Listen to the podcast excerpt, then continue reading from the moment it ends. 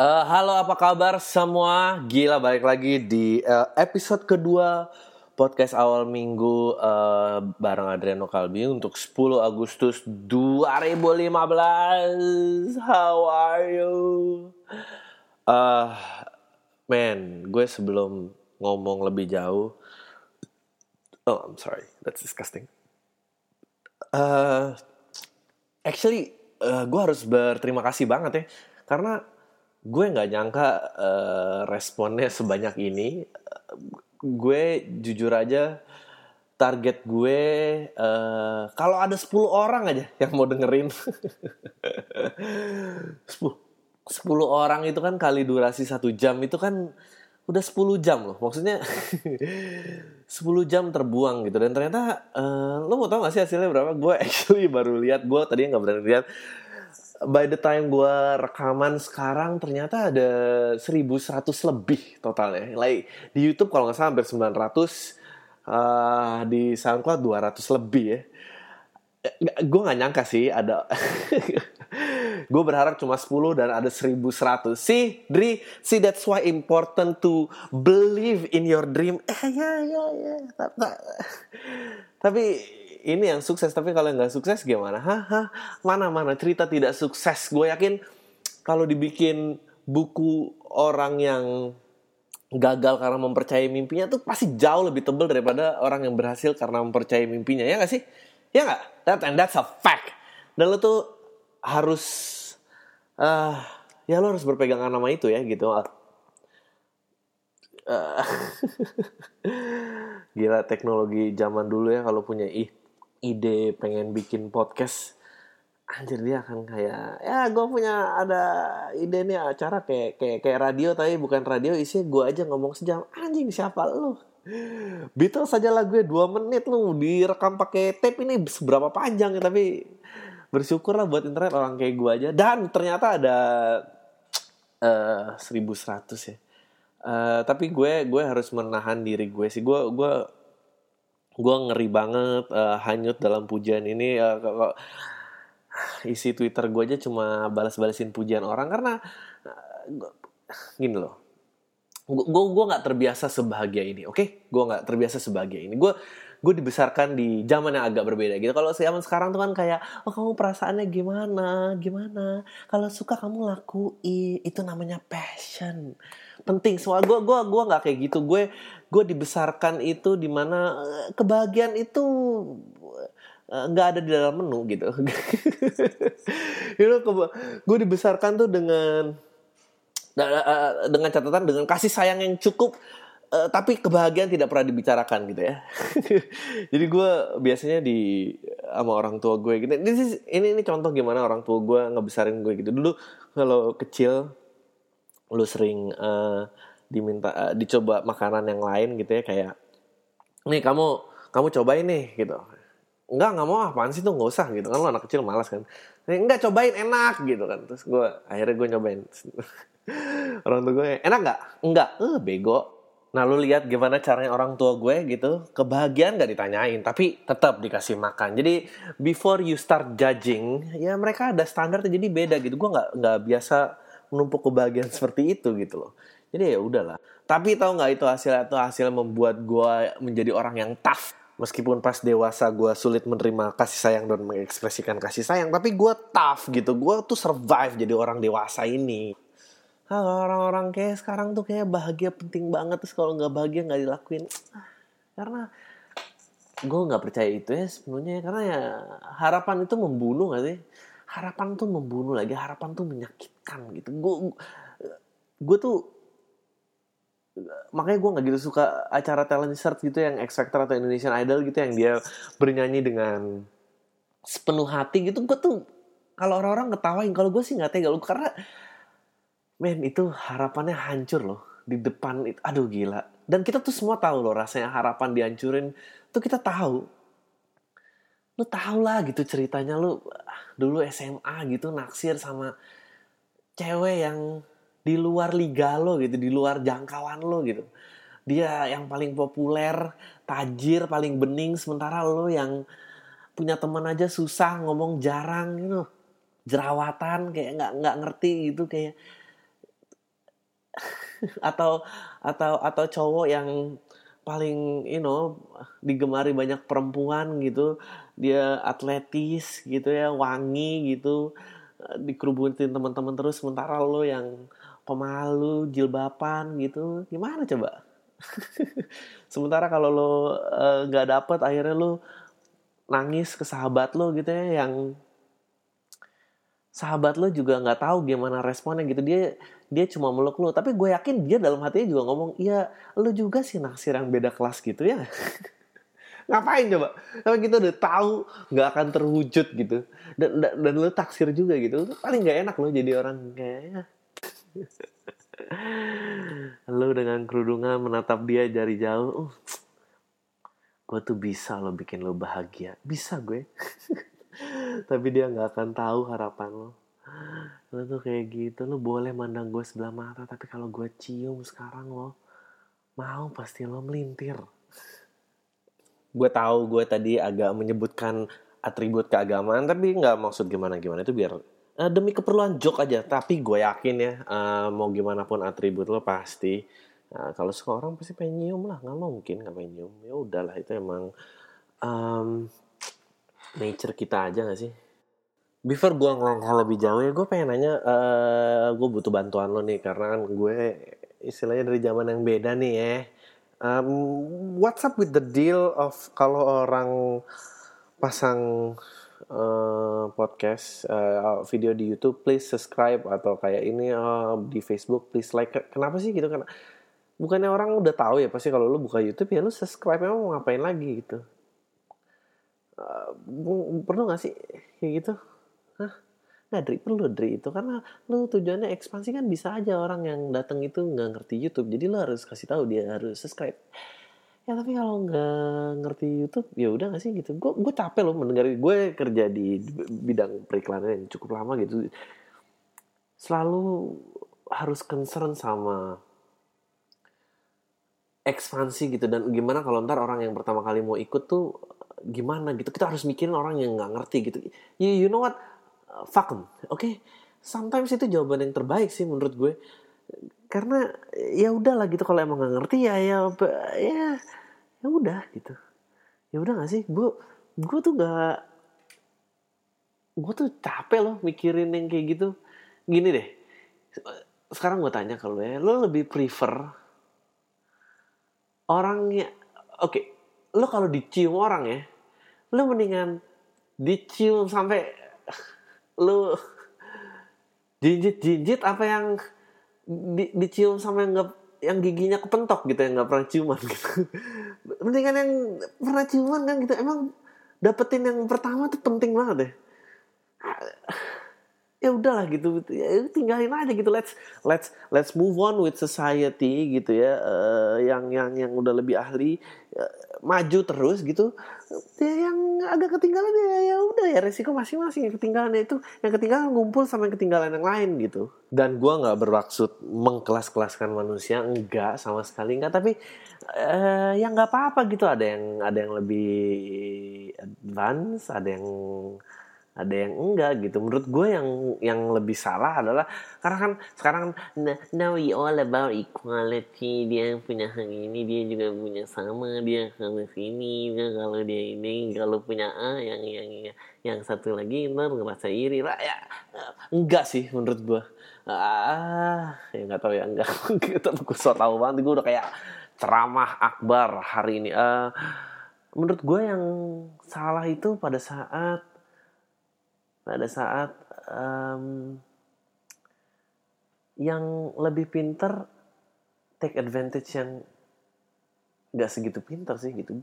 Ah, gue paling sebel banget sih ngeliat yang kayak gitu-gitu.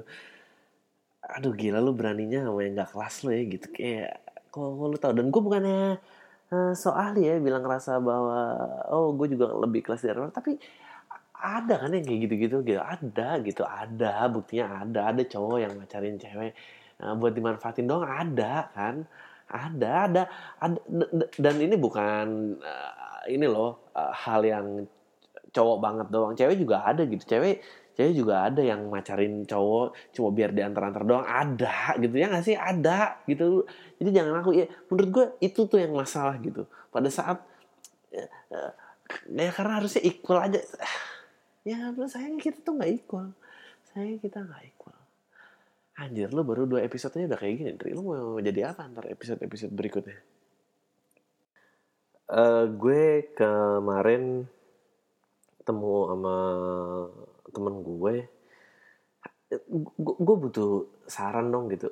Gimana sih caranya basa-basi gitu? Gue tahu caranya basa-basi tapi uh, gue tuh gue tuh nggak kuat maintain pembicaraannya gitu. Maksudnya gue kayak ya ada temen nih gitu ya lewat gitu. Gue pasti eh hey, apa kabar? gitu. Tapi gue tuh cuma berharap apa kabar tuh responnya dua detik gitu. Eh ya baik eh ya sampai ketemu lagi ya kita jangan sombong-sombong. Oh ya ya pastilah nggak sama telepon telepon ya baik udah udah abis udah kita move on ke kehidupan masing-masing gitu. Maksudnya ya udah lah orang-orang yang kayak gitu kan kita juga nggak ketemu sering-sering amat ya gitu. Kalau emang ketemu sering lo pasti nggak nanya apa kabar lo ketemu eh langsung aja gitu. Tapi kalau yang nggak penting-penting amat gitu loh. Gue gue nggak tahan sih. Once gue udah jawab kayak apa kabar terus dia responsnya dari lima detik gue nggak kuat sih. Kayak uh, ya nih Nita sih baru aja ninggalin gue anjing gue nggak pengen dengerin loh. Kayak ya terserah sih kita maksudnya. Ya padahal udah lima kita lima tahun berarti lu juga tahu. Saya gue aduh. Aduh ya apa deh apa deh gitu. Gue nggak nggak nggak kuat gitu. Gue coba lu kasih saran ke gue gitu gimana caranya nyetop pembicaraan. Nggak mungkin kan gue stop gitu. Kayaknya gue drama banget gitu. Ya udahlah gitu gue berbohong. Emang ya gue juga ber percaya sih bohong itu uh, baik. Karena emang emang betul gitu honesty is the best policy gitu ya. It's the best and also less menurut gue. Ya gak sih jujur adalah kebijakan terbaik dan terakhir gitu. Masa dikeluarin di awal kasihan orang itu salah apa coba? Kayak apa orang itu ninggalin gue lima ah ya tapi gue nggak pengen ngomong-ngomong. Anjir lu tau gak sih betapa annoyingnya gue sebagai person? Nggak mungkin lu bohong lah gitu. Kalau pada saat lu tidak perlu jujur ya lu simpen aja sampai belakang gitu. Dan itu membuat hidup semua orang tuh lebih baik gitu ya. Jadi emang ya nggak apa-apa nggak apa-apa. Ya Drilly sebetulnya ngapain sini bikin podcast ini? Kayaknya nyebar-nyebar yang enggak-enggak aja gitu teori-teori lo dan ketakutan lo gue kemarin uh, gue nggak tahu ya kalau lo gue uh, ini kayaknya juga uh, gue suka makan di tempat gue nggak suka makan fancy tapi gue suka makan di tempat yang uh, moment pops restoran tuh apa istilah uh, makan di tempat yang restorannya milik orang lokal gitu milik orang situ yang bukan chain restoran tapi uh, cukup gede ada di mana-mana gitu. Jadi uh, bukan restoran fancy jadi restoran dikit. Gue gue seneng gitu makan di tempat restoran yang milik keluarga. Salah satu yang paling favorit uh, buat gue bami boy ya. Bami boy sama kenanga. Astaga um, ya nggak apa-apa emang kenapa nggak gue gue gue suka banget makan di situ karena uh, ya lo bisa lihat usaha orang aja struggling gitu. Gimana dia bikin usaha tuh harus survive. Ini ini mungkin di tempat-tempat lain juga pasti ada lah gue yakin di, di di daerah lo gitu ya. Di, lo bayangin rasanya jadi orang gimana dia survive dengan usahanya dibombardir oleh uh, raksasa-raksasa ini gitu. Gue seneng lihat chain restoran gitu. Gue seneng gue seneng lihat pelayannya yang males gitu ya. Gue tuh gue seneng banget karena dia kayak datang kayak hmm, ya pesen apa? Sambil garuk-garuk. Oh ya pesen. Ya udah tulis sendiri deh. Gila anjing banget gak sih? Udah nanya pesan apa gue udah sebut disuruh gue tulis sendiri bukan kebalik. Tapi gue seneng kayak gitu. Karena Kenapa kenapa dia ketus? Gue lebih mending pelayan yang ketus, sumpah. Gue mending pelayan. Karena apa? Karena itu tandanya dia tuh manusia, tau gak? Dia tuh manusia, men. Dia punya perasaan. Gue percaya nggak ada manusia yang uh, dilahirin untuk ngelayanin orang lain gitu. Nggak ada gitu. Ya lu kalau hidup lu suruh ya you know uh, lu bilang kayak mengejar mimpi kan lu pengen jadi anak band gitu ya. Terus kayak oh ya gue bisa SMA magang aja di restoran gue pengen tahu sambil mengejar mimpi gue terus 10 tahun ternyata mimpi lu nggak terwujud dan lu cuma sadar bahwa ah shit gila reality gue ternyata gue pelayan restoran gitu kan. And then hidup harus lanjut terus lu kawin dan punya anak sekarang lu punya tanggung jawab him, uh, impian lu sirna gitu ya. Lalu gimana sekarang disuruh lain orang? Ketus nggak? Ketus men ketus men. Tapi kenapa ketus itu menjadikan lo manusia? Itu lebih manusia daripada yang lo kalau datang ke toko gede yang salamnya tangannya pakai nyilang. Ih najis tau gak lo? Najis gue nggak ngerti ya. Kenapa orang-orang itu mau gitu disuruh nilang ayo selamat datang pak gitu. Gue actually nyilangin dada gue gitu kayak lo bisa lihat aja. Ya tau lo tau kan kayak orang Star Trek mau manggil pesawatnya dan pindah itu. Oh terima kasih banyak kayak apaan sih? Maksud gue ngapain lo kayak gitu gitu? Ngapain? Gue kalau lo mau bilang makasih lo tatap mata gue aja oh terima kasih banyak ya pak gitu. Ucapkan dengan tulus gue ngerti gitu. Gue nggak kebayang sih uh, trainingnya kayak apa gitu. And and this is this is why ya menurut gue uh, Hitler Hitler tuh akan terus bermunculan gitu dalam dunia ini. Uh, karena ada satu orang gila yang di, di dikasih panggung gitu itu semua orang tuh kayak udah ngikut aja gitu. Lo kebayang gak sih manajemen trainingnya tuh kayak apa gitu? Ingat ya lu lu pidato di depan semua seribu karyawan gitu ya. Ya beribu-ribu karyawan. Ini, ini ada beberapa toko yang gue yakin lu tahu salamnya kayak gitu. Uh, ada toko pizza itu ada toko peralatan rumah ada apalagi yang kayak gitu ya uh, supermarket ada uh, petugas parkir gitu. Loh bayang berarti ada satu orang pidato di depan ratusan ribu manusia gitu. Dan dia, bilang kayak gitu uh, you know kalau if you wanna say thank you and believable gitu. Just because they say it in English gitu. Jadi kesannya kayak oh gue harus ngikutin ini. Goblok Indonesia. Just because dia bilang oh ya kalau bilang thank you gitu ya tangannya silangin dan bilang terima kasih pak. Ayo coba ulangi. Silangin tangan dan terima kasih gitu ratusan ribu orang itu nggak ada yang ikut temennya bilang kayak gue nggak mau lo bilang terima kasih. Ini orang gila pak ya. Kenapa ya bilang terima kasih gitu nggak ada satupun gitu. Gila gak sih lo? Gila gak sih lo? Gue I would rather go to a restaurant with a shitty service kayak gitu tapi gue dilayani sama manusia daripada gue dilayani nggak tahu wujudnya manusia tapi tahu masih punya uh, impian atau harapan enggak gue nggak ngerti gitu. Takut takut gila gue ngeliat yang kayak gitu ah nggak tahu. Mungkin gue makin tua emang makin banyak takutnya sih gue nggak ngerti juga. Tapi come on lah you don't think that shit is bothering you? Anyway uh, apa?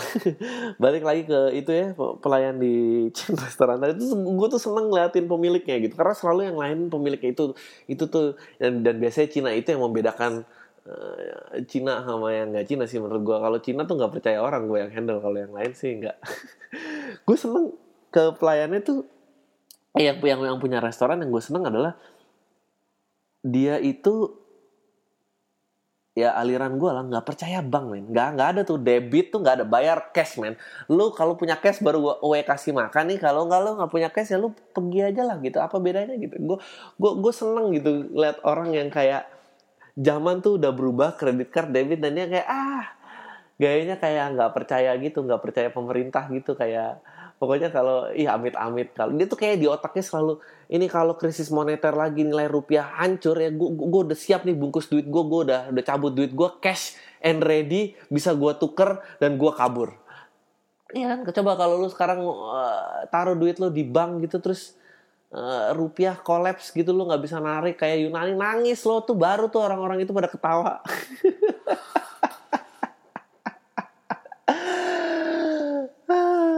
gila hadit. Gue gue nggak ngerti sih kenapa kita bisa percaya bang begitu mudah. Ini lo bayangin ya. Duit lo kan eh kayak gue bilang di kemarin duit lo kan subject to loan ya. Dan em emang beneran segitu nggak aman ya gitu. Segitu nggak amannya uh, kalau lo pegang duit cash dalam duit gede lo pasti dirampok gitu. Dirampok ya oke emang ada perampokan tapi satu banding berapa satu banding lah 100 gitu atau even 1000 gitu. Tapi kalau lu di bank tuh lu semua dirampok. Dan lu lebih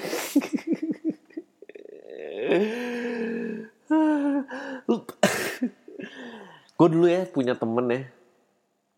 Gue tahu ini ceritanya tahun 2008 kalau salah 2007 dia kerja di uh, badan finansial gitu ya. Uh, dua kata gue nggak berani sebentar gue mati lagi dua kata pokoknya apa dan muda lah Cigita apa dan muda.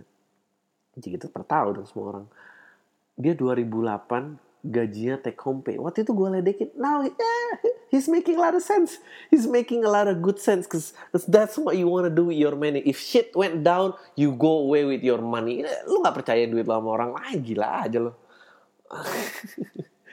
now he's making a lot of sense. Gue gue gue mestinya tuh uh, duit gue ready uh, telepon yang masih ada keypadnya aja gue nggak perlu terekspos sama yang kayak gini gini gitu. And things gonna be fine oke okay? things gonna be fine. Aduh aduh kenapa? Apa tuh? Apa tuh? You know I'm, I'm sorry for the city recording. Ada yang komentar tentang mikrofonnya lagi. Nah apa uh, pokoknya ini gue berusaha banget seminimal edit dan segala macam ya. Jadi kayak oh, shut the fuck up. Just just do the podcast oke okay? uh, uh, iya kembali ke masalah bank tadi ya. Lu tau gak sih kalau anjir ini kalau gue terus ngomongin bank dan tentang dan karena kita semua udah tahu itu subject to dan bahwa duitnya dipakai untuk uh, ya kalau keperluan kalau banknya swasta ya untuk keperluan golongan ya gitu. Kalau banknya negeri katanya sih untuk negeri ini katanya gue dan gue nyebar-nyebar isu ini ini bisa dituduh sebagai tindakan uh, propaganda gak Ini lebih mengerikan daripada menjelekkan presiden gak sih? Untungnya, ah itu dia untungnya yang jadi pasal itu tidak boleh menjelekkan presiden. Ya negara tuh nggak tahu yang kayak gini-gini. Ini padahal ini dia lebih berbahaya. Lu tau gak sih sekarang tuh ada ada program tabungan ya uh, yang minimalnya itu dua puluh ribu minimalnya dua puluh ribu dan nggak kena biaya administrasi. Karena ah untuk meningkatkan program budaya. Karena budaya menabung itu bagian dari budaya Indonesia bla bla. Enggak lah udah bilang aja lu butuh duit kita gitu ya sih? Dan lu denger kan lu tahu kan duit yang kita tabung itu subject for loan ya? Dan lu tahu ya kalau yang ditabung dua puluh ribu berarti kan negara duit kita dua ribu aja mau diambil ya gak sih? Ya gak sih? Lu ngerti lu ngeri gak sih denger jumlahnya gitu? How desperate your country is actually? Hah, betapa desperate-nya negara lu sebetulnya. Ya sih? Berarti itu kan dalam berarti itu kan waktu rapat ada yang bilang kayak oke okay, negara butuh dana tambahan kita butuh mengelola dulu uh, meminjam dulu duit uh, dari uh, warga negara kita gitu ya. Kita harus bikin uh, tabungan yang lebih murah nih gitu minimalnya biar lebih banyak rakyat yang terjangkau gitu kayak. Berapa ya enaknya bottom line-nya ya? Kayak lima puluh ribu pak. Ah gila kayaknya kurang banyak ya kalau lima puluh ribu. Ya udah pak kalau gitu sepuluh ribu aja. Jangan kalau sepuluh ribu ketahuan kita desperate. Makanya angkanya dua puluh ribu ya kan? Ya sih? Ini gua aja ya. Gua aja yang perlu. Kenapa ini tuh mengerikan ya ya ya sampai dua puluh ribu aja mau dia ambil kan itu kayak itol dan segala macam uh. Oke, okay, kembali lagi ke Cina ya. Tapi gue berbahaya banget ya, udah bang tuh ke Cina lagi. Nggak, ini, ini ini ini bukan menjadi rasis atau memojokkan kalangan tertentu, tapi gue penasaran ya uh, sama orang-orang Chinese gitu. Dan ini pure pengamatan, sumpah. Gue cuma pengen nanya, lu lu lu ada apa sih sama sendal gitu? Kenapa lu seneng banget pakai sendal? Sumpah lu, lu like lu jalan ke mana-mana pakai sendal gitu. Kayak gue kemarin liat kayak ya, apa kaos celana pendek sendal. Kaos celana panjang sendal juga gitu. Kayak baju bola celana panjang sendal. Kemeja tangan panjang celana sendal. Yang gue nggak habis pikir adalah oke okay lah kalau lu mau pakai sendal gitu ya. Yang gak gue habis pikir adalah kadang ya lu tuh jalan sama couple ceweknya tuh udah cantik banget gila pakai gaun yang uh, sepantat doang gitu yang kaki seksi abis putih gitu ya pakai hak gitu. Terus lu lihat cowoknya kalung emas gitu ya jangan jangan lupa dia pakai kalung emas. Pokoknya kalung emas kemeja celana terus sendal emang cici-cici gue pengen nanya lu gak pernah ngomong ya gitu ke, ke pasangan lo gitu kayak ya Allah kamu jangan pakai sendal apa gitu. Oke okay, nggak ya Allah lah karena mungkin mayoritas nggak nggak nggak nggak percaya Allah. Tapi ya ya come lah gitu lu tuh pernah nanya ya gue gue aja tuh dimarahin kalau ke mana-mana pakai sendal gitu. Nggak nggak ada yang mau ini. Gue to tolong penjelasan gue tolong uh, nanti gue gue ingin membantu para cici-cici nih ya. Gue ingin membantu para cici dan kita mulai gerakan aja gitu di uh, sosial media gitu ya. Hashtag kokoh sendal jepit lu potret gue gue pengen membantu lu. Karena kamu lah lu pasti as a couple gitu ya sebagai perempuan lah lu pengen dandanan cowok lu tuh ya sebanding dong sama lo masa gak sebanding? Gila lo udah stunning kayak gitu gila. Kalau gue sih ngeliat cewek gue kayak gitu ya terus jari kaki gue kelihatan gue malu sih gitu. Kenapa ya? Apa apa dibilangin tuh nggak bisa gitu kenapa gitu? A -a apa karena efektif gitu ya? Kan Cina apa apa efektif tuh nggak nggak mau buang-buang waktu gitu. Waktu adalah uang. Ntar kalau ya gue pakai ini alas sama sama alas kaki kenapa kenapa harus sepatu? Gitu. Sendal kan lebih cepat slap gitu. Lu nggak buang-buang waktu jadi nggak rugi kok gitu. Sih mohon maaf ya atas impression gue akan masyarakat Tionghoa yang kurang bagus tapi what's the deal dengan pakai sendal gitu? Apa karena apa karena lu putih gitu ya? Jadi lu selalu pede pakai sendal karena kalau gue pakai sendal tiga hari naik motor begitu dibuka belang gitu. Ya sih? Karena lu karena lu pede gitu ke mana-mana gitu. Lu tahu kena hari kena pakai sendal kena matahari berapa kali oh, oh, oh lihat tuh kaki oh ya. Apa kelihatan pakai habis sendal nggak? Nggak kelihatan kan makanya tuh apa apa kayak gitu ya. Kenapa sih gitu? Jawab gue penasaran banget gue nggak tahan. Kenapa lu pakai sendal gitu? Ya allah gue cewek lu cantik banget gitu. Gue tahu pasti sendal lu mahal gue juga percaya gitu ya. Pasti kalau kalungnya segitu ya sendalnya nggak mungkin rela di taruh di tempat penitipan lah. Gue pengen bilang masjid tapi kayak joknya nggak nyambung uh, setengah jam saudara-saudara. Nggak setengah jam sih 26 menit dan going. Hebat kan? Aduh lumayan banget. Semoga um, ke depannya makin lancar kemarin gue nggak nggak lihat waktu. Uh, apa lagi ya gue bahas apa lagi ya?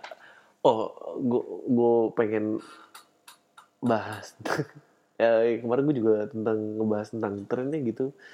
Ya, semua orang tuh ikutan dan segala macam. Tuh ya mungkin karena ini dia kali ya kenapa gue belum terkenal dulu. Gue nggak memanfaatkan pada saat Twitter lagi wah gitu gue nggak ikut wave-nya Twitter gitu ya. Jadi gue sekarang ya bikin podcast satu jam bicara sendiri kayak orang gila gitu. Tap. Ya, tapi ada 1100 orang loh yang dengerin gue jadi siapa yang lebih uh, apa namanya? Gue uh, ya bisnis ya. Oke okay, gini ya. Dengan tren ya gitu lo uh, dulu ada ya sekarang masih sih kayak tren sepeda gitu ya dan semua buka toko sepeda gitu and then pokoknya solusi bisnis buka toko sepeda. Habis tuh nggak lama kemarin gue makan keripik pedas maici gitu karena waktu itu juga ada uh, tren makanan pedas. Ada tren makanan pedas.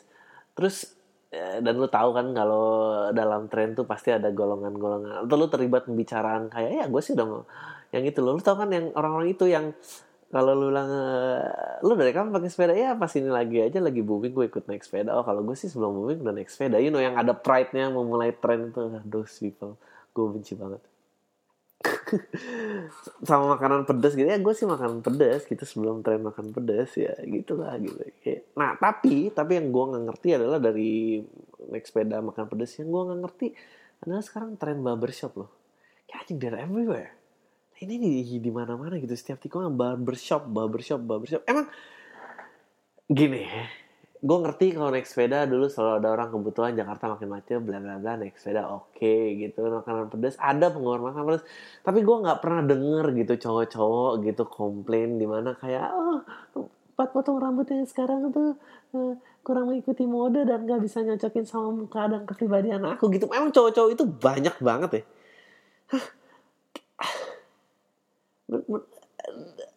dan sekarang semua seragam gitu. Menurut lu nggak aneh ya kalau lu kayak ya lo kan pasti ngegeng gitu ya gitu. Tuh lo duduk uh, bertiga semua belah pinggir dan berewokan gitu. Ih gue sih aneh banget deh cowok-cowok gitu. Emang beneran banyak kayak oh please dong tolong.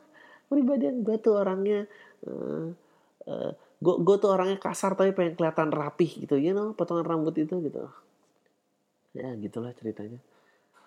Say no more cie gitu. Internet jokes internet jokes gitu ya. Nah, gue nggak ngerti sama internet jokes. Kayaknya wow, wow, wow, wow di expect gitu. Kayak gue suka sih dub smash. Tapi kayaknya ah, kalau lu lihat dub smash lagi ini kan pasti akan lip sync ya gak sih? Ya Andri lo kenapa sih trashing trashing just, just, just tell a story man. Just tell a story. Oke. Okay? aduh. Um, oh ah beneran ada yang email lo ke sini beneran ada yang email uh, gue thank you sih sekali lagi thank you. Men 1100 gitu against all odds. Aja diulang-ulang terus ya udah lima kali tuh ya. Gue tau lo ngisi waktu tapi jangan. Oke okay, um, apa namanya uh, you wanna get to the questions? Oke okay, let's let's let's read the questions. Oke okay, gue uh, akan ya gue akan kayak uh, radio zaman dulu gitu ya. Di apa namanya diliatin gitu. Atau ntar gue sambil buka laptop bla bla bla. So how are you guys? How are you? Semua baik gitu. Um, the response has been great. Ada orang-orang yang bilang sampai gue tuh berasa ditelepon cowok. Ya Allah sedih amat gitu. Lo ngapain nih berasa ditelepon cowok sedih banget ngomong-ngomong gini oke ini dari uh, dari Reza. Gitu. malam Bang Adri. Gue baru aja dengerin podcast lo. Keren asli deh. Oke stop with the compliment you know. Uh, beneran ngeliat point of view yang beda beda ya ya ya ya. Semoga tetap lanjutin rutin rutin oke. Okay. saran gue buat podcast lo lebih baik sound atau sejenis musik musikan selama podcastnya lebih enak dengerinnya. Terus ah uh, buat background sound gue agak nggak pengen ya. Karena satu gue tuh nggak pengen banyak edit karena gue nggak bisa uh, terus kalau back sound ntar gue lagi gue tuh lagi pengen belajar ya udah ngomong aja gitu yang ada di otak gue ya udah jalanin. Dan kalau back sound tuh kayaknya uh, ya jadi ganggu aja sih? Kayak enaknya kayak gini tuh kayak ya udah gue jadi suara pikiran lo dan merasuki lo pelan pelan dan lo percaya apa yang gue bilang tentang uh, bank dan asuransi dan ini. Anyway Terus uh, dia bilang, Tor ya itu dong ngebahas masalah tren make up yang menurut gue aneh sekali dan lebay banget akhir-akhir minggu ini mulai dari lipstick sampai alis-alisan. Oke, okay. uh, eh, make up yang lebay, gue nggak ngerti sih waktu itu gue coba ngeliat uh, tiba-tiba tiba-tiba ngelihatnya uh, ini aja, ngelihatnya uh, lipstick apa sih yang jadi joke itu? Ini gue ketik ya lipstick joke uh, kenapa sih bayar lima ratus ribu? Kenapa cowok? And then and then terus cowok keluarin jok-jok kayak oh ya ini cowok harus kerja keras karena cewek nggak ada beda-beda. Cewek harus kayaknya kayaknya awalnya kan itu kan ya uh, apa namanya uh, jok tentang jok tentang uh, apa bahasanya?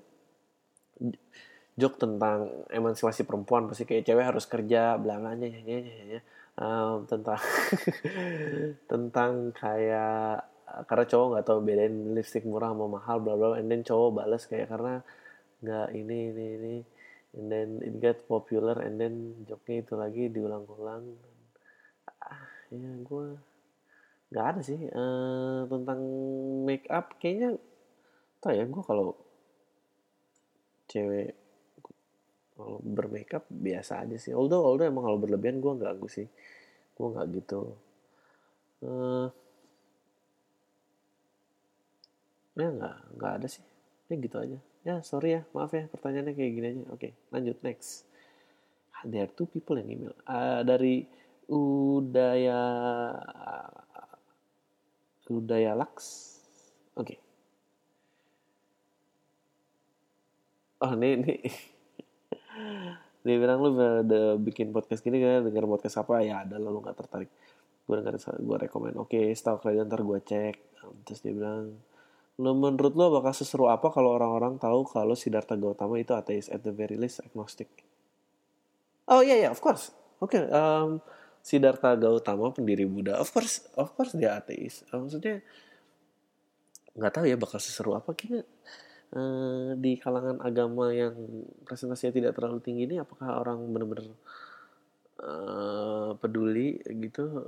Uh, of course dia ateis dia, ceritanya kalau nggak salah uh, dia seorang putra raja kan ya gitu dia seorang Hindu and then uh, uh, of course Hindu believe in gods dan apa dan apa um, and then terus dia melihat ketidakadilan yang sangat parah and then dia bilang fuck it uh, fuck it sama semua kefanaan dunia ini. Gue I'm just gonna go out. Gue gak peduli lagi gue jadi putra mahkota bla bla bla. Gue agak gue mau sama dia aja menemukan ketenangan dan keidealisme gitu. Uh, uh, uh, oke okay, ini ini gue bisa tunjukin sedikit banyak yang yang kira-kira gue tahu ya. Uh, gue nggak tahu ya apakah their gods itu benar-benar ada perwujudan dewa atau um, tak, tak, karena menurut gue uh, bentuk pemikirannya tuh sangat bentuk dewanya tuh hasil dari pemikiran sekali gitu bukan uh, um, oke okay. anjir ini beneran nih mau bahas agama ya? Oke okay, dikit aja ya. Aduh gue uh, oke okay, beneran agama ya. Jadi gini uh, uh, kasarnya nih of course uh, don't don't don't follow me. Gue gue cuma YouTube Wikipedia research doang pada dasarnya uh, beda yang uh, Israel sentris sama yang India sentris. Lu tau kan Israel sentris ya uh, Yahudi, Kristen, Katolik, Katolik, Kristen dan Islam itu semua brotherhood meskipun kayaknya ya gitu deh. Terus yang yang yang yang India gitu ya, yang sana tuh uh, God-nya Almighty, bla bla bla, jadi work in mysteriously um, and then right and wrong bla bla bla. Uh, kayaknya kalau yang di sebelah satunya lagi itu tentang they never really discuss right and wrong. They, they, they discuss banyak hal tentang um, sebetulnya kayak penerimaan lo terhadap semesta ini dan keadaan ini gitu. Bahwa kadang betul betul bahwa effort itu manusia uh, dapat mengubah. Manusia harus berusaha mengubah sesuatu tapi ada layer di mana emang ya lo lo harus terima aja gitu. Dan semua tuh tentang kepasrahan itu semua tentang letting go expectation dan apa uh, pada saat itu lo mencapai keidealan gitu kan. Uh, jadi emang that's what they did gitu. Even even Hindu aja gue percaya uh, shit gue udah sebut gue percaya deh. Uh, ya. Pokoknya uh, dia mengenal Trimurti kan. Uh, lo tahu dewa kelahiran pemeliharaan dan kehancuran gitu. Tapi bentuk cycle itu aja menurut gue sangat manusia gitu logiknya uh, bahwa gini dia ada kenapa ada tiga gitu? Kenapa ada tiga? Kita kita lo lo jadi orang nih uh, lu jadi orang lu, lu kan manusia nih lu lu jalan ngisi waktu ya. And then uh, lu katakanlah lu punya karir oke okay, lu punya karir dan lu jalanin bertahun-tahun dan segala macam. Terus lu kayak penuh and then and then lu pada saat lu karir lu lahir dapat gitu and then tumbuh oke? Okay? tumbuh. Nah pada saat tumbuh kok it, it, it doesn't quite get ini nggak mengarah ke hal-hal yang lu lu inginkan gitu di mana ya udah gini kok stagnan aja. Gue mungkin wishing gaji yang lebih gede kok kayaknya kalau gue ngikutin jalur ini. Uh, kayaknya akan begini terus. Lu tidak tahu bahwa sebetulnya insting lu itu benar gitu bahwa ini akan begini terus. So what they have adalah next adalah Shiva to to destroy. Uh, ya udah hancurin aja gitu. Kenapa penting untuk dihancurin? Karena pada saat hancur then you lu memberikan kesempatan new things to happen again, oke? Okay?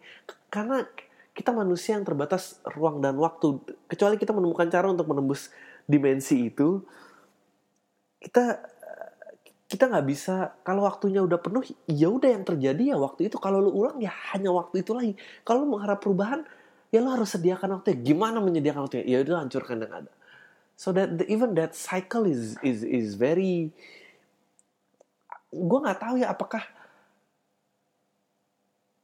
ini bentuknya wahyu gitu. Yang yang ini ben, even lu bisa mikirin ini gitu. Udah gue wah gue bisa nggak ada habis-habisnya sih ngomongin ini. Uh, dalam pemikiran lo dan dan ini menurut gue tidak bertentangan dan, dan ini emang hanya uh, logika kehidupan lo aja gitu. Pemikiran lo uh, kefrust untuk melepas kefrustasian lo terhadap keidealisman gitu. Dan pada saat lo lepaskan bahwa sebetulnya ideal itu bisa sekarang gitu. Tenang itu sekarang pada saat lo ya ya begitulah ideal gitu. Dan lo harus lo harus percaya juga eh, dan faithnya pada saat semuanya hancur akan ada sesuatu lagi yang lahir dan semua itu akan tumbuh dan pada saat penuh harus saja dan ya gitu sih. Jadi kalau Siddhartha Gautama Siddhartha Gautama ini ya yang dirin Buddha kan gitu. Sih oke Siddhartha Gautama adalah guru spiritual dari Laut Timur.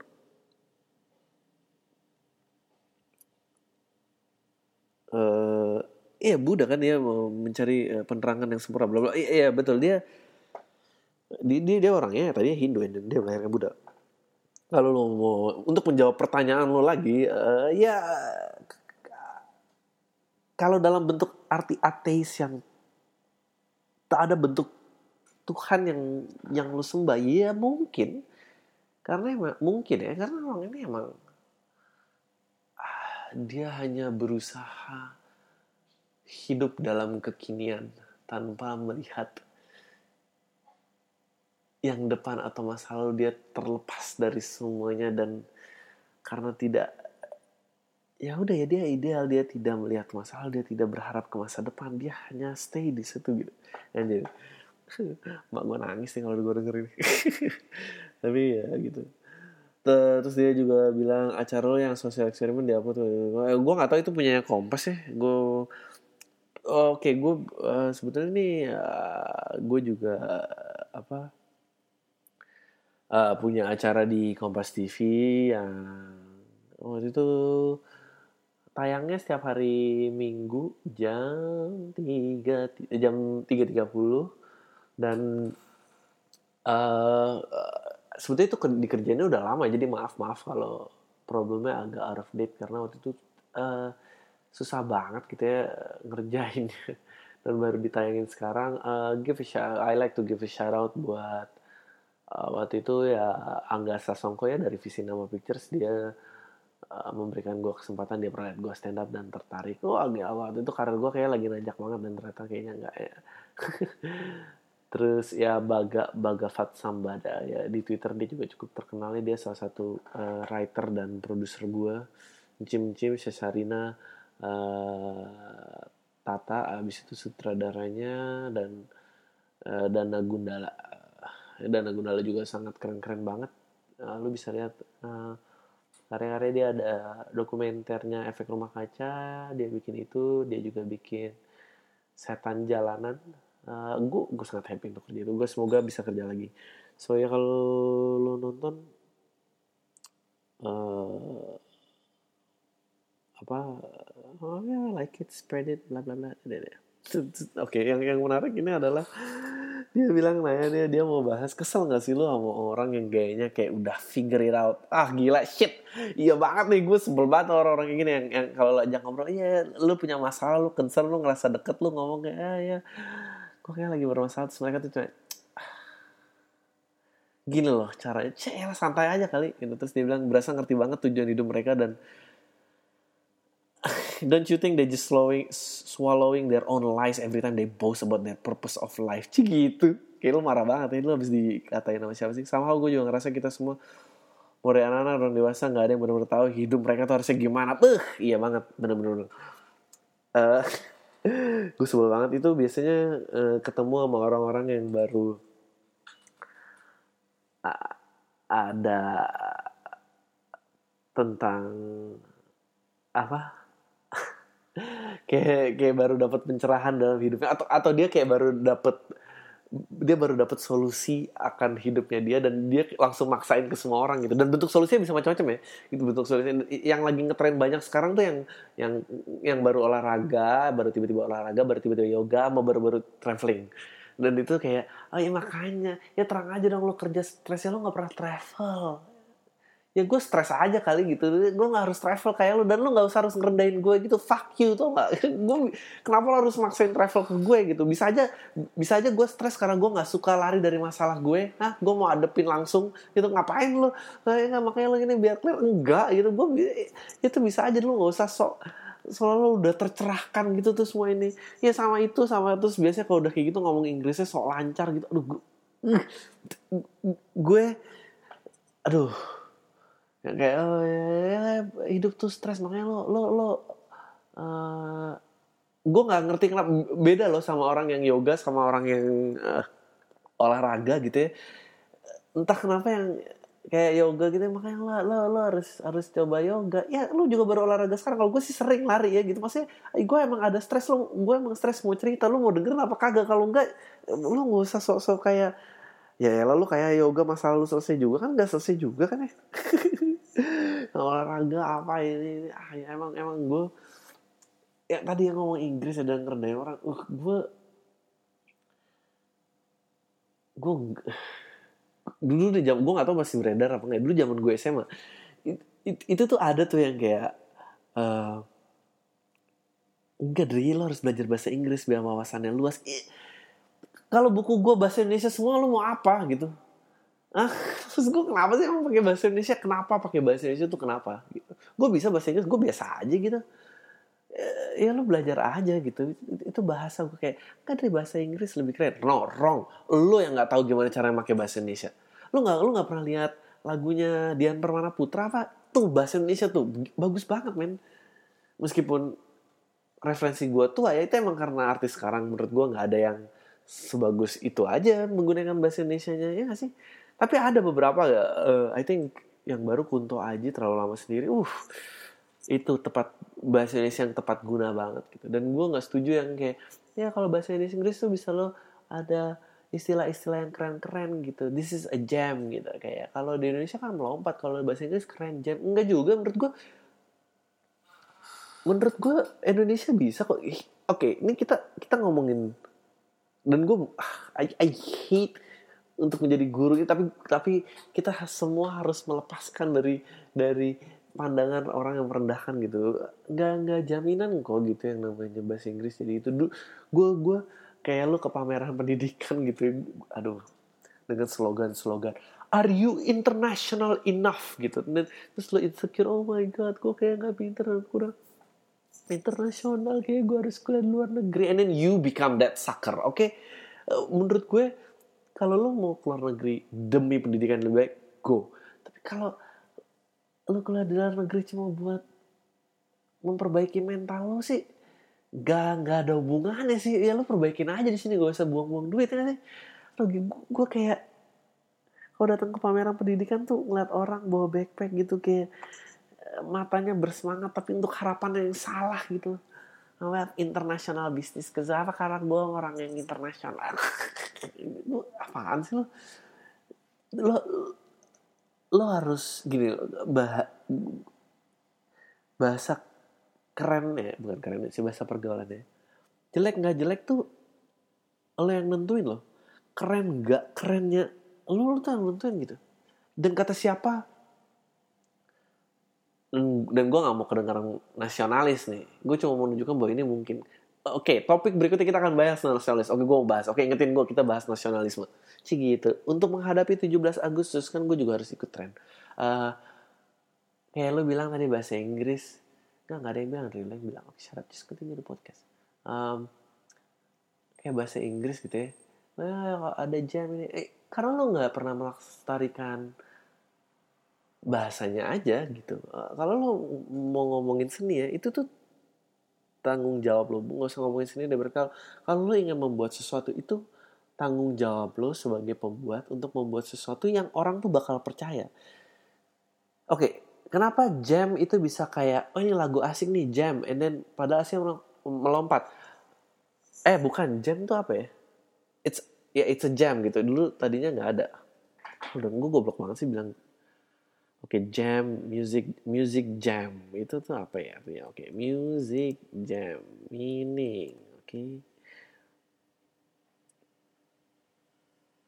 We, we, we should jam gitu, ada jam session gitu.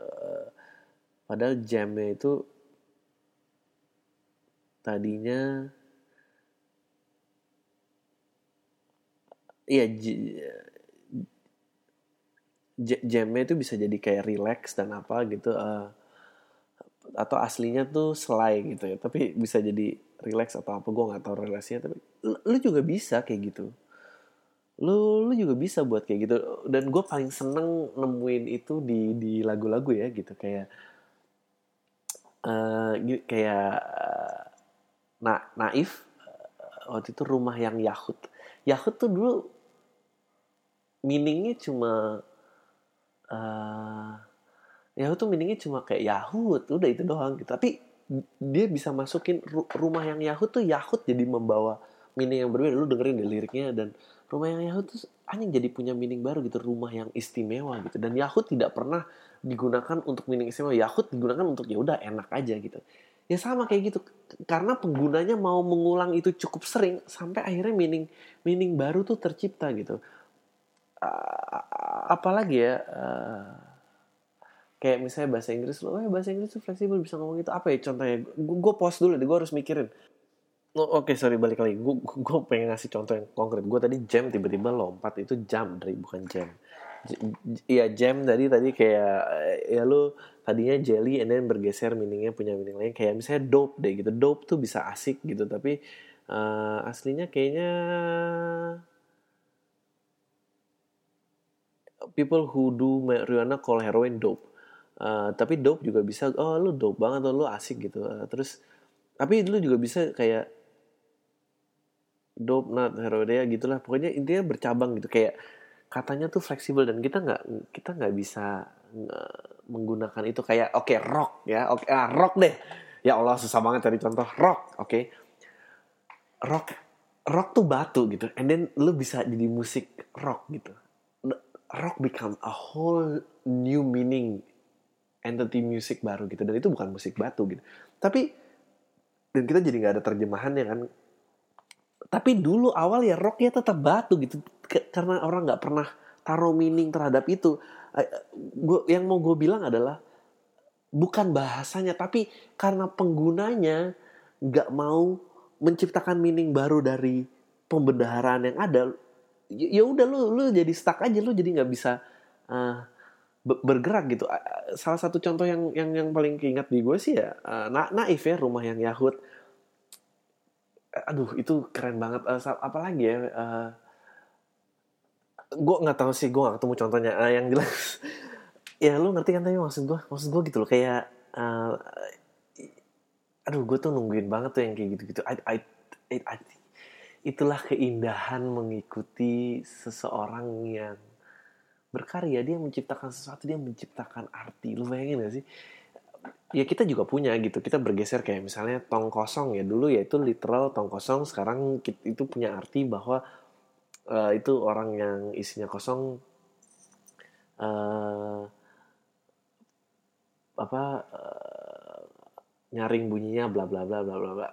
Iya tapi ya udah udah stuck aja gitu. Nggak ada nggak ada perkembangan lagi. Mungkin gue pasti banyak banget misalnya yang ya tadi gue sebut cuma naif doang gitu. Tapi wah gila setiap ada itu gue tuh seneng banget. Dan gue sebagai penikmat ya gue gue mau loh dengerin itu. Kayak diciptain anjir ini apa ya artinya? Oh ini maksudnya ini tuh. Oh dia bikin ini pakai ini. Anjir lucu banget ya gitu. Kayak uh, biru tuh juga ah enggak. Tapi biru tuh dari blues blues sedih kita juga pakai biru nah, biru. Anjir itu lagi reference Ludri Dian Permana Putra. Tak terangkan mata dan biru. Oh enggak kita biru di situ beku ya? Ah nggak tahu lah pokoknya it, dan dan yang gue sebel dan I, dan teori gue nih teori so tau gue ya gitu ya yang membuat itu berhenti adalah jika para pembuat udah mulai memikirkan anjir yang denger ngerti apa enggak ya? And then, and then it becomes ya udah terus terjadi keraguan terus apa? Ya terus nggak jadi gitu. Ya ampun gitu ber, berhenti kayak gitu yang kayak gitu gitu proses itu tuh nggak akan bisa dibalik. Sebagai maker itu tentang tentang yang buat. Lo lu nggak nggak usah mikirin yang lain ngerti apa enggak karena jawabannya pasti nggak ngerti. It's your job to convince them bahwa uh, them bahwa ini nyata loh ini ada meaning baru loh lo harus terima ini loh segala macam. Kayak orang buat cerita aja kan nggak semuanya harus reality tapi orang harus beli gitu. Itu harus dibeli dan kalau lo buat sesuatu yang demi masyarakatnya ngerti lo jadi harus menebak dulu orang itu pikirannya apa dan lo baru buat gitu. Dan itu jadinya ya kayak sakitnya tuh di sini. Nah itu sakitnya tuh di sini tuh kan bullshit. Kalau di di wawancara uh, tentang kayak oh ya emang eh, itu cerita cerita nyata saya bla bla bla. Akhirnya bikin ya lagu sakit itu di sini. Enggak lah. Perkataan itu udah tren dulu di jalan kok. Dia tahu dia tahu caranya uh, ngambil itu duluan terus baru diri emang bener emang ada apa orang yang sakit hati? Bilang kayak aduh gue habis diputusin pacar gue nih sakitnya di mana ya? Oh sakit ya enggak lu mikirnya pasti cuma sakitnya doang gitu. Aduh ya tuh ya gitulah jadi jelek ya. Oh well ah uh 55 menit sih. Gila nggak tuh? Lewat uh, kayaknya udah ya gue close aja di sini sebelum um, gue udah gak tau ngomong apa lagi. Uh, hope you enjoy uh, topik minggu ini. Uh, terima kasih sekali. Uh, terima kasih banget. Gue nggak tahu sih. Gue actually very very happy. Gue euforia luar biasa. Uh, semoga kita berjodoh lama lah gitu. Maksudnya kalau 1100 gitu ya hmm, provinsi 3033 gitu ya kalau provinsi kesannya kayak dari Sabang ke Merauke jangan dengerin berarti yang dengerin ini ya lumayan lalu masih kalau di tiap provinsi ya rata-rata paling berapa ya kayak cuma kayak tiga ratusan orang gitu tinggi itu kesannya kayak tiga ratus tiap provinsi enggak dari tiga ratus kali tiga itu kan sembilan ratus enggak tiga puluh orang gitu kan itu kan geng eksklusif lu bisa bikin keeksklusifan lo gitu kalau ketemu orang Nah, klakson kayak Vespa gitu biar punya kebanggaan lo jadi eksklusif. lo I'm just kidding. I'm sorry. Jadi lo kenapa sih kalau habis uh, berterima kasih langsung harus pengen ngatain orang gitu? I don't know, it's my. Um, ya, yeah, pokoknya uh, itu aja. Uh, gue actually sangat berterima kasih, sangat baik responsnya. Uh, dan gue tuh tadinya nggak berani ngeliat karena internet tuh kejam banget. Gue tuh nggak sanggup membaca hinaan. Aduh ya Allah, gitu kayaknya gimana banget gitu kalau dihina di internet tuh nggak bisa gue balas lagi gitu aja dan gue harus terima dan jadi kepikiran sebelum tidur jadi teriak-teriak but uh, lu nggak ngelakuin itu uh, so thank you banget uh, semoga lu menerima kesotoyan gue minggu ini. So uh, thank you thank you banget. Uh, I hope I hope lagi. Gue tahu uh, maaf ya ini ini ini um, uh, harus uh, promosi. Bentar, gue lihat catatan gue dulu. Um, bagi yang peng penggemar stand up, uh, mungkin juga lo udah denger, udah lihat itu. Uh, aduh, mana sih nih? Mana sih, mana sih, mana sih, mana sih?